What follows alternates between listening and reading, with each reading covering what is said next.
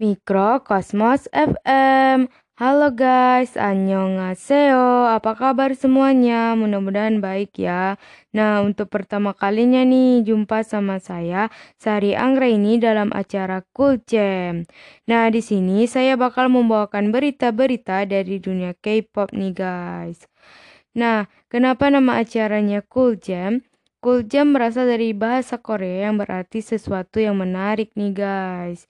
Nah, di sini saya bakal membawakan berita-berita menarik dari dunia K-pop tentunya.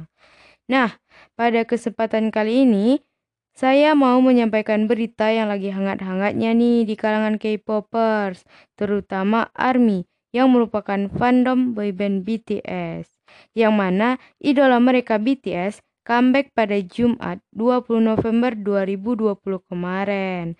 Sebelumnya, BTS merupakan boy group terkenal asal Korea Selatan yang beranggotakan tujuh orang dan debut pada 2013 silam nih.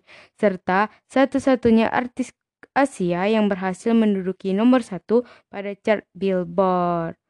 BTS comeback dengan merilis album terbarunya yang bertajuk B, Deluxe Edition. Para member BTS pun telah melakukan konferensi pers jelang comebacknya ini.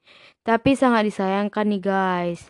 Salah satu member mereka yakni Suga terpaksa harus absen di momen perilisan album terbaru mereka karena ia masih menjalani pemulihan usai melakukan operasi di bagian bahunya. Pria yang bernama asli Min Yungi itu melakukan operasi bahu pada awal November lalu di Korea Selatan. Atas hal tersebut, Suga dikabarkan harus cuti lama dari kegiatan BTS. BTS akan kembali menghibur para penggemarnya ARMY lewat lagu andalannya di album B yaitu Life Goes On.